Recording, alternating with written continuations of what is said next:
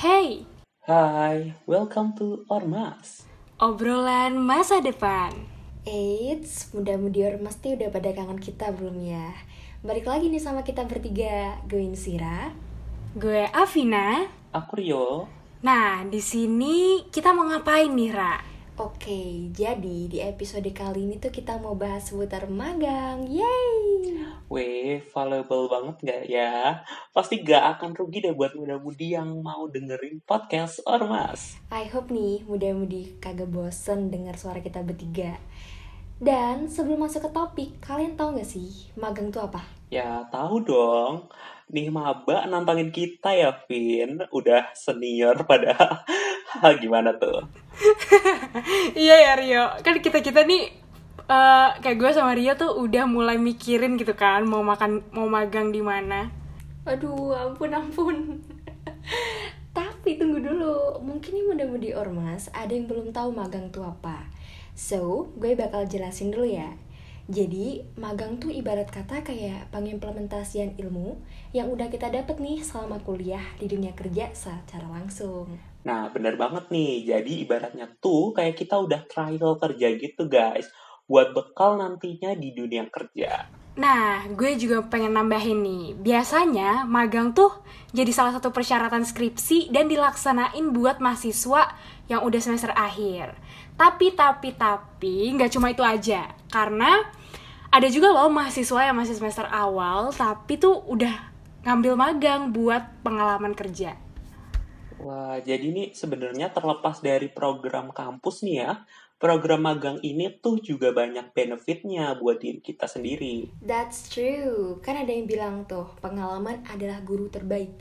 Jadi pasti itu bermanfaat banget. Ya, setuju banget nih sama Insira. Pasti nggak akan sia-sia deh kalau mau ngambil dari awal atau akhir. Yang penting nih soft skill kita bisa keasah gitu ya. By the way, di dunia kerja tuh bukan ngandelin ilmu aja loh.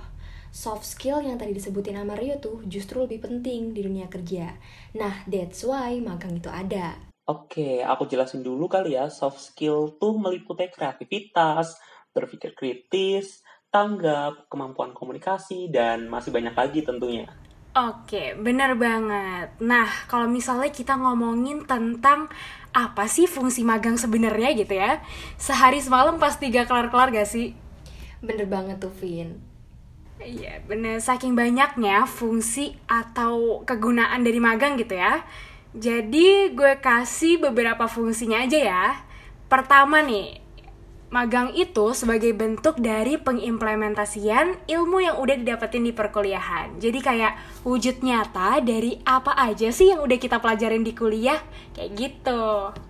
Hmm, betul betul betul. Kayak ada itu nggak sih kayak pepatah nih orang bijak bilang orang yang berilmu bukan orang yang nggak sekolah tinggi tapi juga eh, dapat menyelesaikan berbagai persoalan dengan ilmunya.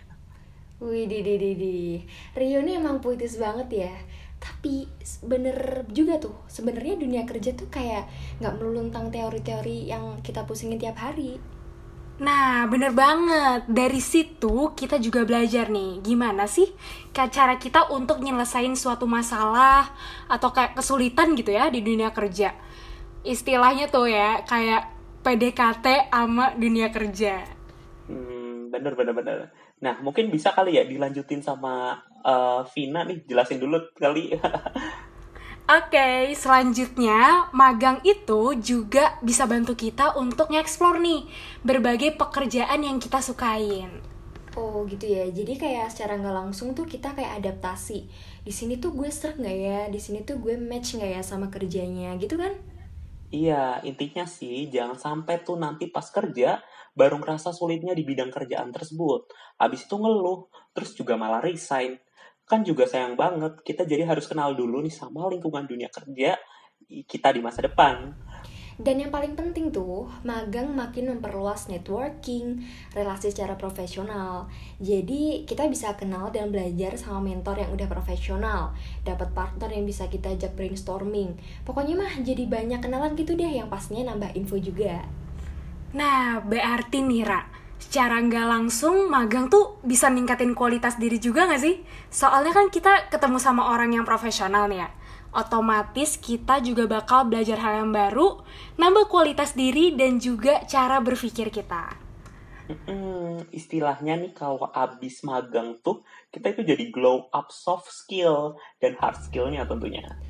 Aduh, duh, Rio nih ngomongin glow up glow up kayaknya nih bocah anak TikTok gitu ya, Vin ya.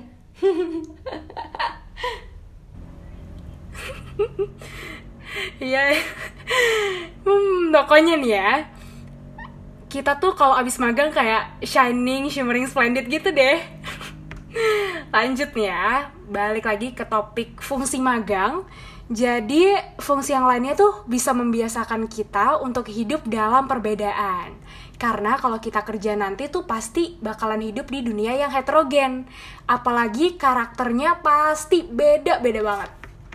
Yap, betul betul betul. Jadi ini kalau magang tuh emang ngajarin kita juga buat gimana sih caranya membaca karakter partner, terus juga gimana sih cara cara kita menghadapi perbedaan gitu. Ngomongin perbedaan nih jadi inget sama lagunya Ari Lasso. Segala perbedaan itu Membuatmu jauh dariku Iya, gitu kan? Pokoknya tuh kalau kita lagi ada di di serba perbedaan ini tuh kita harus tetap kayak solid gitu. Karena ada juga kan orang yang kayak lu tuh ya lu, gue ya gue gitu Jadi kita tuh sulit untuk uh, membiasakan diri untuk menjadi kita gitu apalagi kan di dunia kerja tuh kita harus terbiasa untuk kerja dalam tim gitu setuju nggak Setuju dong. Ah, tapi bisa aja lu, Ra, pakai nyanyi segala.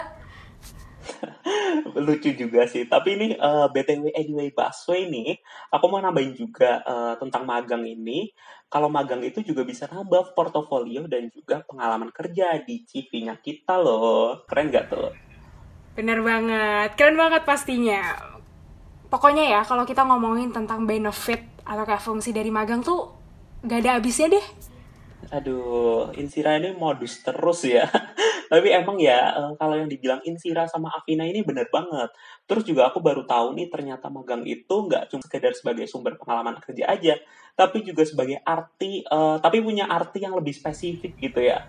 Hmm, iya dong yo. Masa dari tadi nih ya, gue ngomong cuma ngarang doang, ngaco ih. Maafin dong, soalnya kan tadi aku canda doang. Tapi ini intinya bisa kali ya diterapin buat muda-mudi ormas waktu nyalon magang gitu. Soalnya nih, uh, kita kan udah jadi lebih pro nih, dan mungkin kalau misal uh, penasaran soal magang nih, aduh tolong tolong ulangi ulangi eh aku aku bagian aku Iya, maafin soalnya tadi canda doang gitu. Tapi intinya bisa kali ya diterapin buat muda-mudi ormas waktu nyalon magang. Soalnya biar lihat uh, kelihatan lebih pro gitu. Tapi aku masih penasaran nih soal magang ini. Soalnya nih dari tadi kita itu bertiga cuma bahas putaran dunia magang. Tapi ada nggak sih tempat atau lokasi buat magang yang kalian harapin gitu? Hmm, kalau gue sih ya, kalau gue tuh prefer di startup atau magang di Kemenlugri gitu deh. Waduh, keren-keren banget nih Afina sama Insira harapannya tinggi dan keren banget. Tapi kalau aku sendiri nih aku pengen banget di tempat magang yang cozy kayak startup dan juga berbau bisnis ala-ala milenial gitu. Tapi semoga lah ya, amin. Amin, amin. Nah, walaupun tadi kita bertiga beda-beda nih harapan buat tempat magangnya, Tentu dong waktu magang nanti bakal ketemu orang atau partner yang sefrekuensi sama diri kita. Contohnya kayak tadi Afina di kementerian, Rio di startup, dan aku juga pengen yang di instansi pemerintahan. Artinya banyak dong milenial yang pengen dan niat banget buat cari pengalaman di tempat tersebut.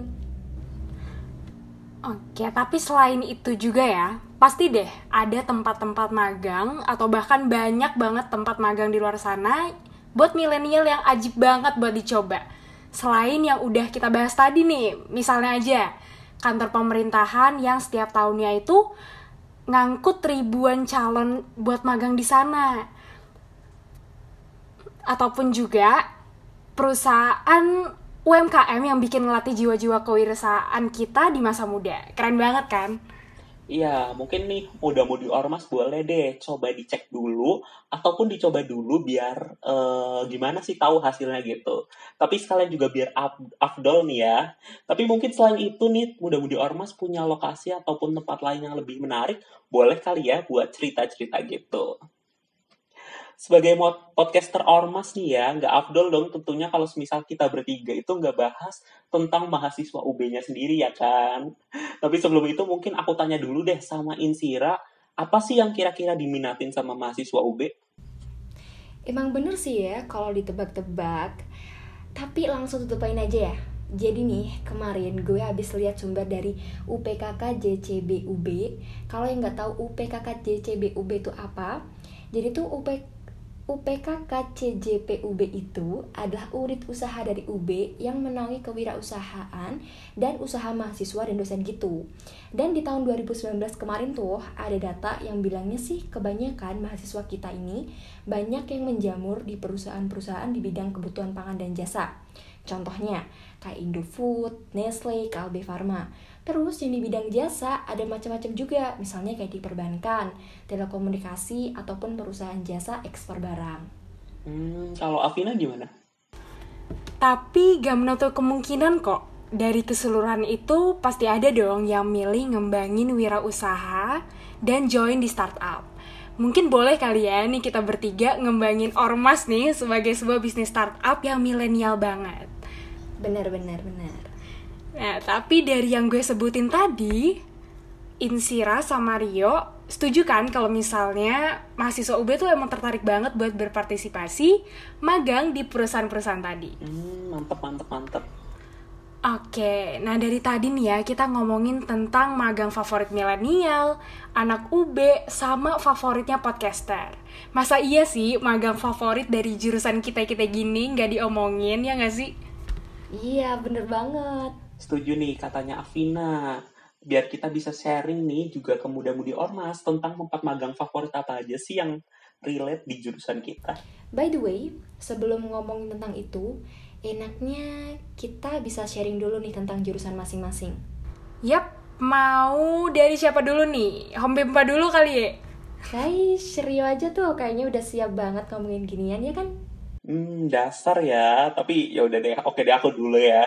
Jadi untuk guru, eh, jurusan aku nih yang politik ini pastinya dong dari fakultas yang keren banget lah ya. Apalagi kalau bukan di FISIP. Ih, Via juga keren kali. Tapi, Ra, gue setuju sih sama Rio. Visip tuh emang paling keren ya nggak sih, Rio? Eh, bentar-bentar. Afina juga visip juga ya? Iya bener, gue tuh visip juga sama kayak Rio Tapi bedanya jurusan gue itu hubungan internasional. Iya, kita ini eh, walaupun nggak pernah ketemu di FISIP ya, Vin, tapi ya udahlah gak apa-apa. Iya, sumpah bener yo, gak pernah dah Tapi moga katanya ya wacananya kan Juli ini. Semoga offline langsung deh guys kita ketemu sama Insira juga ya nggak sih Ra? Yay, harus cepet-cepet banget offline biar bisa ketemu. Bosen sih online kayak begini terus. Hmm, amin. Paling yang serius pokoknya. Lanjut deh ke jurusan eh, lo apa tuh, Ra? Dari via, eh di via. Oke, jurusan gue itu administrasi publik di VIA. Nggak kalah keren tahu di UB.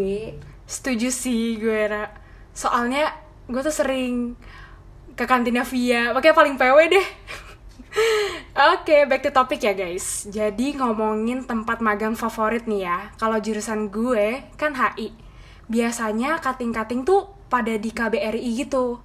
Ada yang di Indonesia sama ada yang di luar negeri. Atau enggak biasanya tuh pada ngecek-ngecek magang Yang buka sama Kementerian Luar Negeri RI gitu. Ataupun juga gue sempat denger-denger di United Nations Hmm. juga. Keren juga ya. Tapi kelihatannya seru juga deh. Dan aku nih kayaknya pengen banget deh magang di situ. Boleh gak tuh? Iya ya. Iya ya, gue jadi kayak rasanya gimana kalau misalnya magang di Kementerian Luar Negeri gitu. Iya, gue juga pengen banget soalnya kayak seru gitu kan. Tapi gue denger-denger ya, lumayan ketat juga sih seleksi buat masuk situ. Ya wajar sih menurut gue, karena saingannya kan se-Indonesia gitu ya. Apalagi kalau yang di luar negeri, pasti saingannya beh, mantap. Ya gitu juga sih. Aku tadi juga kepikiran gitu. Tapi ya tenang aja sih. Soalnya kan kita juga punya tujuan, usaha. Pasti deh bisa buat eh, nangkal masalah kayak gitu. Aduh, bisa aja nih si Rio. Oke, tadi Afina udah ya. Sekarang cheers lanjut ke Rio, Sabi kali ini. Oke, aku ya. Jadi nih dari tadi udah di disuruh tapi nggak jalan-jalan nih. Tadi karena aku ngambil jurusan politik nih, jadi mungkin tempat magang favorit aku itu di tempat yang berbau politik nih, kayak misalnya pemerintahan, partai, atau juga mungkin kayak di kantor-kantor uh, presiden itu bisa relate banget sih soalnya uh, dari jurusan Ilpol dan kelihatannya juga seru banget buat dicoba. Wah, keren-keren. Iya tuh keren banget. Tapi pernah pernah nggak sih dapat bocoran tips gitu biar bisa tembus pagang? Hmm, kalau aku denger-denger sih caranya itu bukan pakai orang dalam ya, tapi lebih ke usaha kita. Jadi benar-benar murni dari usaha kita, bukan orang dalam. Hmm, Oke, okay, bener-bener. Ya, semoga deh Rio bisa masuk situ ya. Amin, amin. nah, tadi udah bahas nih tentang tempat magang favorit jurusan gue sama Rio. Nah, kalau lo gimana tuh, Ra? Udah pernah denger-denger belum sih dari cutting? Atau kayak misalnya lo dari sekarang udah mulai cari-cari gitu? Um, kalau gue nih ya, kan gue administrasi publik tuh di VIA. Dan gue juga udah sempet tanya sama Kating juga tuh yang baik yang udah magang atau masih ngerencanain gitu. Mereka tuh uh, kayak mayoritas tempat favoritnya tuh di pemerintahan daerah. Terus ada juga tuh yang di kementerian. Jadi kayak overall tuh sebenarnya lebih ke instansi pemerintahan sih gitu Hmm, gokil banget nih dari Via ini. Tapi emang tempat favoritnya itu bagus-bagus banget dari Via. iya, iya, sebab keren sih. Gue akuin keren. Apa gue pindah jurusan kali? Ada dong jangan jangan nanti kita kita saingan. Jangan jangan jangan. Udah udah. Ya bener-bener jangan saingan lah ya. Oke okay, next kita bahas tentang favorit favorit tadi kita udah bahas tentang favorit favorit nih ya gue jadi kepo deh kalau misalnya Rio sama Insira nih prefer yang mana sih mendingan magang yang deket rumah deket kampus atau yang deket sama tempat nongkrong? Hmm, gue dulu ya. Kalau gue sih ya gara-gara masih online gini nih. Jadi kalau misalnya disuruh milih, gue prefer tempat yang deket rumah sih. Atau kalau bisa yang WFH juga, karena kan masih harus jaga prokes banget. Iya, betul banget nih. Aku juga setuju nih sama Insira. Kalau uh, aku sih prefernya itu yang deket rumah. Tapi kalau misal kampusnya itu udah offline lagi nih, aku itu pengen yang deket kampus sama sih gue juga kayak gitu soalnya kalau deket kampus kan bisa nyambi kuliah gitu ya Hmm, bener banget nih. Terus juga bisa sambil rapat-rapat organisasi nggak sih? Biar kayak orang sibuk gitu ya. Wih, dede. Iya, iya, yang paling sibuk. Tapi kalau kampus juga enak karena pasti UB kan deket kafe-kafe tuh. Jadi sekalian deket ke tempat nongki juga ya kan? Iya, bener sih. Yo iya, tapi ini kalau kalian uh, sambil magang terus juga pengen part time itu bisa dapet cuan gitu nggak sih? Hmm, kalau gue tuh sejujurnya pengen ya, tapi lihat-lihat dulu nih bakal sibuk banget atau enggak. Ya setuju sih, siapa juga yang nggak mau cuan tambahan, ya nggak Fit? Iya bener banget setuju pakai banget sih gue kalau urusan cuan-cuan gini. Tapi by the way guys, ini kan case-nya kalau kita magang mandiri ya. Setahu gue tuh ada dua tipe gitu. Oh, jadi ada yang dibarengin sama kuliah, ada yang nggak sambil kuliah gitu ya? Iya, benar. Kurang lebih gitu sih. Tadi kita udah sempat bahas juga ya tentang ini. Terus kalau misal nih ya guys, kalau misal magang yang resmi dari kampus gitu kan berarti gak kuliah. Kalian prefer yang deket kampus atau yang kayak gimana tuh? Kalau gue mending yang paling bagus sih nggak apa-apa jauh gitu yang penting bagus ya nggak? Hmm, aku aku aku sih sama kayak yang Sira. Aku lebih milih yang bagus terus juga favorit. Dan kalau lu gimana Vin? Oke, okay, kalau gue karena mostly yang tempat magang yang gue pengen itu di luar Malang, jadi mungkin gue bakal ambil di luar Malang kali ya kayak di Jakarta atau di mana gitu mungkin yang bagus juga sih. Gitu. By the way guys, nanti kalau kita magangnya beda-beda gitu saling ngabarin ya biar bisa ngobrol-ngobrol cantik dan bersama ria ya nggak sih? Wah iya asli. Butuh curhat tuh pasti lo magang ya. Terus kayak enak juga nanti kita kalau misalnya ngobrol nih ya kita bertiga terus sharing di ormas kita bisa sharing koneksi terus cara acara-acara apa aja sih yang ada di magang kita gitu Hmm, oke, hayu deh, gasin aja. Terus kita tinggal tunggu deh tanggal mainnya itu kapan. Mantap nggak tuh? Oh iya guys, kalian udah ada yang dapat info magang-magang gitu nggak sih? Tuh kasih tahu buat muda-mudi ormas info magang tuh bisa didapat di mana aja. Nah, jadi guys, buat muda-mudi ormas, info magang itu sebenarnya bisa didapetin di mana pun deh. Asalkan kita itu harus melek, baca, dan juga antusias untuk dapetin info magang itu gitu. Misalnya aja nih, lewat sosial media yang setiap hari kita pakai. Iya, bener tuh kata Afina. Udah banyak soalnya di Instagram account yang kasih info-info buat magang tentunya. Mulai dari persyaratan sampai hal-hal yang diperluin banget deh buat magang. Wih bener banget tuh Malah ada juga loh Instagram account yang kasih info per domisili Misalnya info magang di kota Malang, di Bekasi, kayak gitu-gitu deh Nah, bener banget tuh. Jadi kita gampang juga ya buat ngaksesnya. Tapi selain itu ada lagi loh guys. Wih, apa tuh Vin? Ikutan kepo nggak sih aku? Aduh, Insira juga kepo nih kayaknya. Yuk spill spill spill Oke, sabar-sabar. Tenang ya guys, kalem dulu. Selain itu, kita nih juga bisa dapat info magang dari cutting. Jadi kakak tingkat kita yang ada di kuliah yang udah lulus ataupun yang sekarang magang gitu ya. Dia bisa ngasih tahu info tentang magang yang asik tuh di mana aja sih gitu. Hmm, bener bener bener. Jadi eh, selain itu juga kita itu bisa tanya-tanya tuh sama cutting dan juga minta saran rekomendasi. Info dari organisasi juga loh. Hmm oke oke Jadi sebenarnya info magang tuh bisa dari mana aja ya Jadi tergantung sama keaktifan kita buat cari info dari berbagai sumber Iya nih, benar. Jadi buat yang masih maba nih, bisa cari-cari info mulai dari sekarang aja dah. Mendingan saran kita ya. Hitung-hitung biar nggak kaget nantinya, ya nggak sih Rio?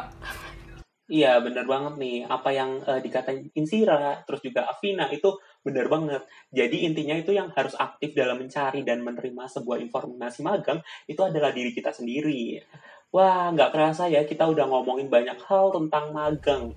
Iya bener juga kita tadi udah ngomongin seputar magang dari A sampai Z Yap, betul. Mulai dari ngomongin magang secara garis besar, manfaatnya apa nih buat kita-kita yang mahasiswa, ya kan? Terus juga bahas tentang tempat magang apa aja sih yang favorit dan kekinian buat mahasiswa. Nah, iya bener banget nih. Tapi eh, waktunya karena udah menunjukkan waktu jam segini, waktu udah jam segini nih, waktunya pamit dulu. Tapi jangan sedih dulu, kita bakal ada selalu di episode terbaru di setiap minggunya. Oke, don't worry, kita akan menemani kalian para muda-mudi ormas di setiap minggunya.